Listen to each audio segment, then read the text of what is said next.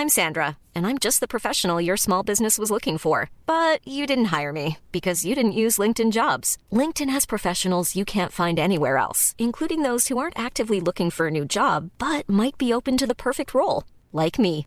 In a given month, over 70% of LinkedIn users don't visit other leading job sites. So if you're not looking on LinkedIn, you'll miss out on great candidates like Sandra. Start hiring professionals like a professional. Post your free job on linkedin.com/people today.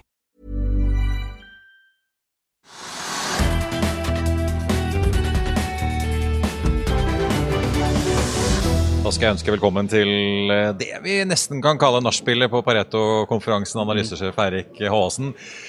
Torsdag ettermiddag det begynner å roe seg litt i gangene her. En del har begynt å reise hjem. De siste presentasjonene er vel omtrent uh, ferdige nå. To veldig hektiske dager for dere. Det har vært mye planlegging i forkant. Det har vel vært uh, godt over 1000 én-til-én-møter mellom investorer og selskaper og forvaltere. Det er bra, det er bra trøkk i tillegg til hovedprogrammet. Ja, det er det. ikke sant? Det er 13, drøyt 1300 én-til-én-møter mellom de 2000 som er her cirka. Så jeg så jo blant annet Kalleklev. ikke sant? Vi må jo bruke sånne hotellrom. Ja, så, LNG-sjefen, ja. Mm. Han hadde lagt ut bilde av liksom, Det blir veldig, veldig intimt, da, for de må jo sitte på hotellrom med senger. ikke sant? Og ha, ha omtrent sitte i sengen og diskutere markedet. Kan bli interessant. Ja, ikke sant?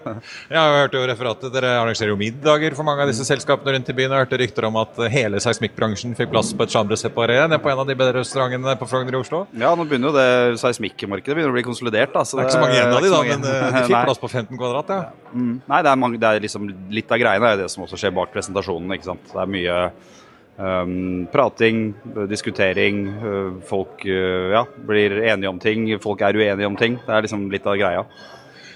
Vi er over 90 dollar fatet. Så for veldig mange av selskapene det dekker, og kundene til Pareto og folk i, generelt på Oslo Børs, så er det jo hyggelige tider. da. Nå har vi Ja. også kanskje en eh, rentetopp etter hvert. Liksom, hvis du skal, Før vi graver oss ned i enkeltsektorer, liksom, hvor, eh, hvor hett eller Klondyke-stemning eh, er det nå sånn, blant deltakerne her, er, føler du? det, er, altså, det er ganske interessant. for jeg tror Hvis vi, hvis vi går tilbake ett år da, og ser, så var det egentlig veldig mye optimisme fra særlig investorene. For da kom vi liksom Vi kom inn i et marked, du så effekten av Russland, vi hadde høy oljepris. Eh, Men selskapene, med unntak av da oljeprodusentene, hadde egentlig ikke sett det ennå. Altså oljeservice, mye av shipping, tank var bra, men liksom andre ting var litt usikkert. Eh, Så da var det akkurat som selskapene var liksom litt på bakfoten i forhold til hva aksjeinvestorene var. Eh, og investorene skal jo være i forkant, ikke sant? det er jo hele greia. I år så syns jeg at jeg merker liksom en litt sånn endring. Det er litt mer selvtillit hos selskapene, særlig innenfor oljeservice. Delvis innen shipping, men der har det liksom vært en stund. eh, hvor faktisk selskapene ser at utviklingen er liksom i ferd med å gå den veien man håpet og så for seg. Eh, og så er investorene litt mer sånn at man ok, det har, det har gått mye. ikke sant? Det er vanskelig alltid å investere i sektor. Vi viste oljeservice opp 75% i snitt siste året. Um, da blir det litt mer sånn ok, hvor langt skal dette gå? Og så er det jo det som er med sykliske bransjer, og særlig sykliske bransjer hvor man bestiller nytt utstyr, som oljeservice, som shipping, så er det alltid farlig å si sånn denne gangen er det this time is different. ikke sant? Det er det dummeste du sier. Men Nå skal det gå bedre. ja. ja, ikke sant? Men, men, men nå bestilles jo ingenting. Ikke sant? Det bestilles ingenting nytt, enten det er rigger, Ja, for det er en supply-skip. gjennomgående, gjennomgående tone. Vi har jo denne uken snakket med Doff-sjefen i, altså innen offshore supply. Ingenting seismikk, ingenting. i Renovage Basili Sharewater sto her i går og sa jeg sitter på all ekstrakapasiteten i markedet og ingenting nytt bygges. Nei, og det er klart det. Det er litt sånn du, hvor, hvor skal det ende? Er det noen som kommer til å bli fristet? Helt sikkert. Men jeg tror ikke det blir nok, da. ikke sant? Så Hvis etterspørselen etter dette fortsetter å vokse, så er det klart at grønne transition og, og liksom decline i etterspørsel etter fossil brensel osv., det ligger der liksom som en sånn litt sånn ekkel greie i bakgrunnen. Peak oil, vet ikke når det er. Det er ikke neste år, det er ikke året etter, men det kommer på et eller annet tidspunkt. Men det skaper jo et veldig gunstig marked da, for de som eier utstyr i dag. Ja. Og øh, også en gjennomgangstone. Veldig mange snakker om at en ting er jo at banker og en del kreditorer og investorer er litt tilbakeholdne med å ville sette penger i nybygg, rett og slett fordi da binder du det ofte til noe som skal vare i 20, kanskje 30 år. Eller levetidsmessig. Men jeg merker meg også både Doff og de seismikk og rigg og hva det skulle være. Alle snakker om at det også er inkludert Hafnia produkttank som vi kan komme inn på. På prestasjonen her i går snakker om hva det koster å bygge nytt. Magnus Halvorsen i 2020 Bulkers også snakker om liksom hva nybyggkosten er. Om du snakker tørrlast, produkttank, om du snakker seismikkbåter eller hva det er. Ja. Så, det, så det er jo ikke bare at liksom, du ikke får finansiering, men det er jo i ståltermer også dyrt. Du må dyrt. tro på, ikke sant? Hvis du skal bestille en VLCC i dag og betale 125-130 millioner dollar, som er da 50 millioner dollar mer enn eh, liksom, man gjorde for fire-fem år siden, eh, så må du tro på rater som gir superprofit for de som er der i dag. ikke sant? Du må tro på det hver dag i 20 år. Det er ikke så mange som gjør. Så Magnus Halvorsen ikke sant? Han bestilte Newcastle-makser på 45 millioner dollar, som nå sikkert koster over 70. Ja, ikke han sant? snakket om det, et eller annet 70 pluss her nede i sted. Ja, ja. Ja, det er stor, stor forskjell, altså. Eh, Skal vi eh, snakke litt om shipping? Da skal vi begynne med tank. Lars Farstad, Frontline-sjefen. Veldig mange følger med på Frontline innen tank. Eh, I fjor så sto han her og snakket om nå går vi på én sylinder, men det kommer til å bli kjempebra. Så har de hatt et helt fantastisk år. Men nå sa han her nede i sted at eh, nei, jeg var tilbake på én sylinder igjen. Det går veldig bra i produkttank, men i vanlig tank så ja, sesongvariasjonen er tilbake. Men det er litt tilbake. Hvordan ser liksom tankmarkedet ut? eh? Nei, altså For det- for, for stortank nå så går det på én sylinder, som du sier. Og det er klart det, du, du kan ikke ha et vedvarende så stort gap som du har nå mellom produkt og crude. ikke sant? Og jeg tror det som, eh, det som man ser på stortank nå, det er du ser effekten av at Russland sliter med å få ut volumet pga. pristaket. Det begrenser eksporten. Um, og så ser du egentlig effekten av OPEC-kuttene, selvfølgelig. Um, så det vi har nå, er et stortankmarked, altså et råoljemarked, der vi transporterer egentlig mye mindre olje da, enn vi konsumerer. Implisitt vi trekker fra lagrene. Og det vi ser. Det kan vi jo bare gjøre så og så lenge. Så dette her er som jeg sa til Lars, dette er som å holde en badeball under vann. Eh, Du klarer det, du klarer det, men til slutt så glipper det, og så spretter det opp igjen. Og Det er det som kommer til å skje på stortankratene, tror vi. da. Fordi at underliggende nå, etterspørselen er god. Raffineriene tjener masse penger. ikke sant? Raffinerimarginene har kommet De falt i Q2, folk begynte å bli redde, og så har de bare steget i taket gjennom sommeren. Så underliggende etterspørsel etter raffinerte produkter er kjempebra. Det betyr at det bare er et tidsspørsmål før lagrene blir så lave og raffineriene kjører ut. ikke sant? Og de, Det er derfor produktratene er så høye. Til de må begynne å kjøpe ordentlige volumer inn igjen. Uh, og Det er det som vi tror kommer til å skje. da, Om det skjer i løpet av september, altså slutten av, om det skjer i oktober eller november, litt usikkert. Men, men du kan ikke ha en vedvarende situasjon der fortsetter å trekke på lager. Nei, da liksom må oljeforbruket ned fra 103 eller Yes. hva vi ligger på Så det, nå. enten Ja. så må oljeprisen ikke sant, ja. gå opp i et nivå der du får ned konsumentet, altså får ned konsumet. Uh, det kan skje, men jeg syns man ser kommentarer fra OPEC. ikke sant? De er mer enn nøye om å si at vi kommer til å slippe opp dersom det er nødvendig. Så du kommer til å se at OPEC etter hvert slipper ut, og da kommer VL til å gå rett i taket. Ja, kanskje derfor vi stanget i taket på 95 fat og Litt- 95 litt sånn. dollar Det var det, det var det. Det kom kommentarer fra OPEC. ned til 93 igjen. Hey, it's Danny Pellegrino from Everything Iconic. Ready to upgrade your style game without blowing your budget? Check out Quince. They've got all the good stuff shirts and polos, activewear, and fine leather goods, all at 50 to 80% less than other high end brands. And the best part? They're all about safe, ethical, and responsible manufacturing. Get that luxury vibe without the luxury price tag. Hit up quince.com slash upgrade for free shipping and 365 day returns on your next order. That's quince.com slash upgrade. I'll see you in court.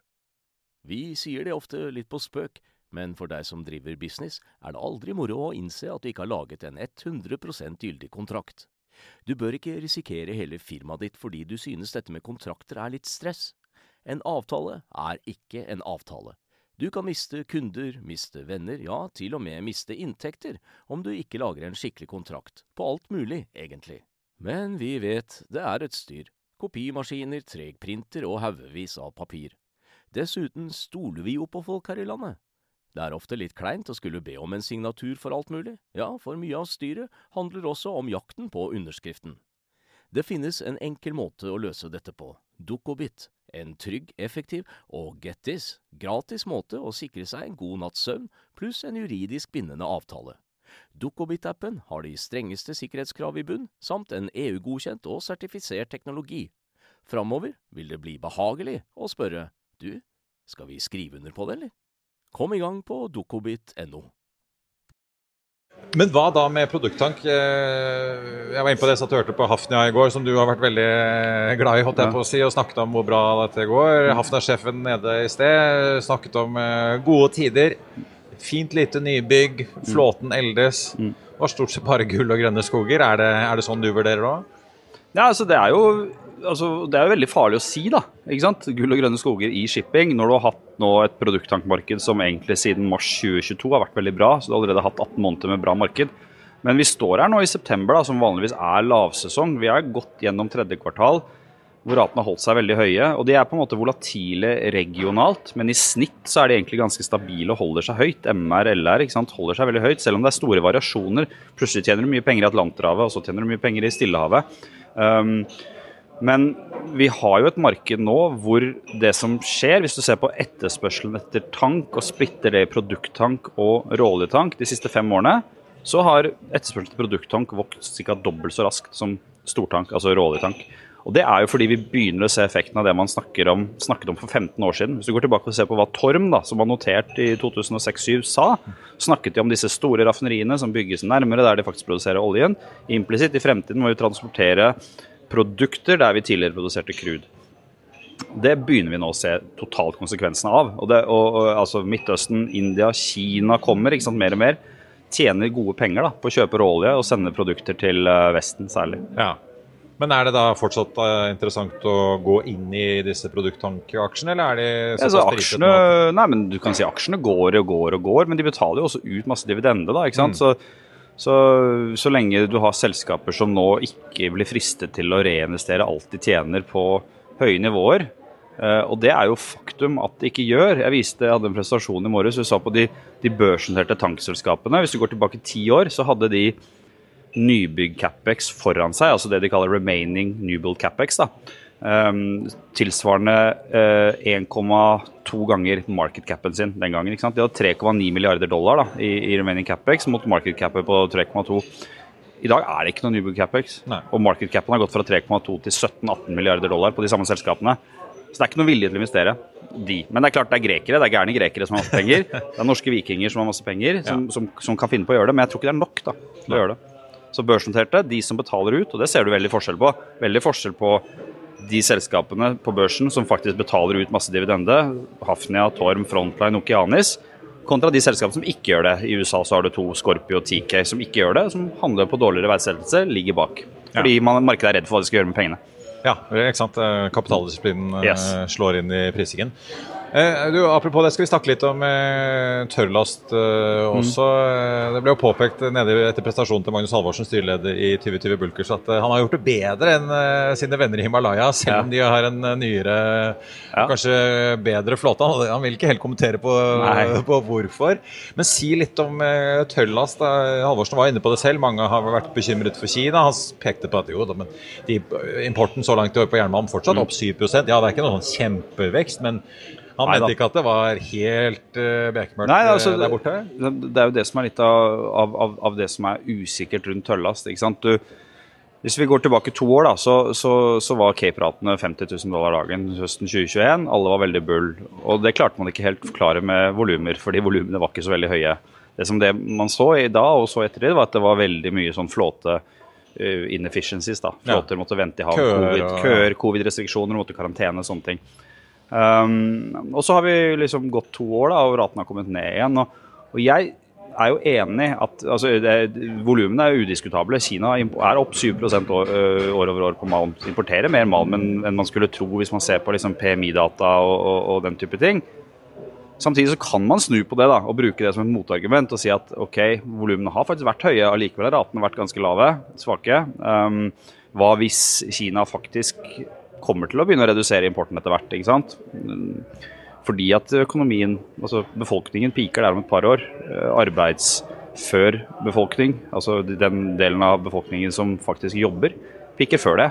Så det er ikke noen garanti for at Kina skal vokse så veldig egentlig i importvolumet fremover. Men altså, det som er bra for tøllast, det som gjør at vi også syns nå risk-rewarden og vi oppgraderte 2020 til en kjøp for litt siden, mm. fordi vi syns risk-rewarden ser bedre ut enn den har gjort på ja, i hvert fall to og et halvt år da, i, i Tøllas akkurat nå.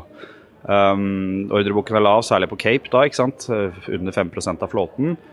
Uh, men, men, jeg syns fortsatt at det er vanskelig å liksom De som sier de som sitter i Norge og sier at liksom, vi er veldig trygge på Kina og Kina-volumene skal holdes høye og sånn, Jeg ser ikke helt hvordan man kan si det, eller vite det. For det er så såkalt svart boks hva de finner på der borte. Og, og det er såpass mange indikatorer som tyder på at dette her skal liksom ikke fortsette for evig. da. Men er det for tørrlastsektoren da lite å gå på hvis vi skulle havne nå i en Nå har jo sentralbankene skrudd og skrudd og skrudd. da, Hvis vi havner i en resesjon eller hvor ting snur litt, er de da noen, noen av de første som ryker? Fordi de har, eh, Ja, ikke, et veldig, de har ikke veldig mye aktivitet i Kina fra før å gå på, da. Ja, altså Det er klart det også henger sammen med andre ting og underliggende ikke sant, BNP-vekst. Men igjen, tøllast. Siste 20-30 årene så har det vokst 4% i året etterspørselen.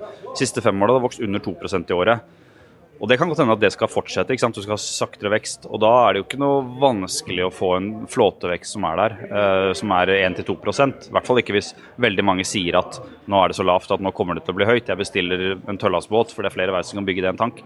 Um, men, men, så vi er litt sånn, ok, man må være litt uh, selektiv der. Uh, selskapene er i veldig god stand. De har betalt ned gjeld, de har uh, fått fornyet flåtene sine.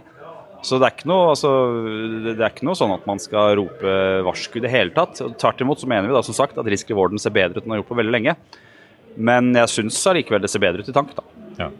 Skal uh, følge med. Erik Håvaldsen, analysesjef i Pareto, tusen takk for at du var med oss. Vel overstått eh, konferanse. Takk. Da gjenstår det bare for meg å si takk for denne gang. eh, Både til Pareto holdt jeg på å si, og til dere som har fulgt oss eh, gjennom uken og dekningen vår her fra energikonferansen på Scandic Holmenkollen eh, Park. Flere episoder og intervjuer finner du på f1.no-tv, eller ved å søke opp Økonominyhetene der du hører på podkast. Være det seg i Spotify, Apple eller en annen app.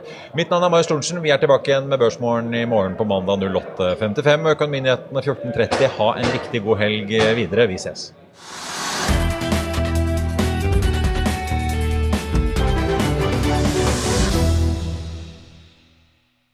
Økonominyhetene er en podkast fra Finansavisen. Programledere er Marius Lorentzen, Stein Ove Haugen og Benedikte Storm Bamvik. Produsenter er Lars Brenden Skram og Bashar Johar.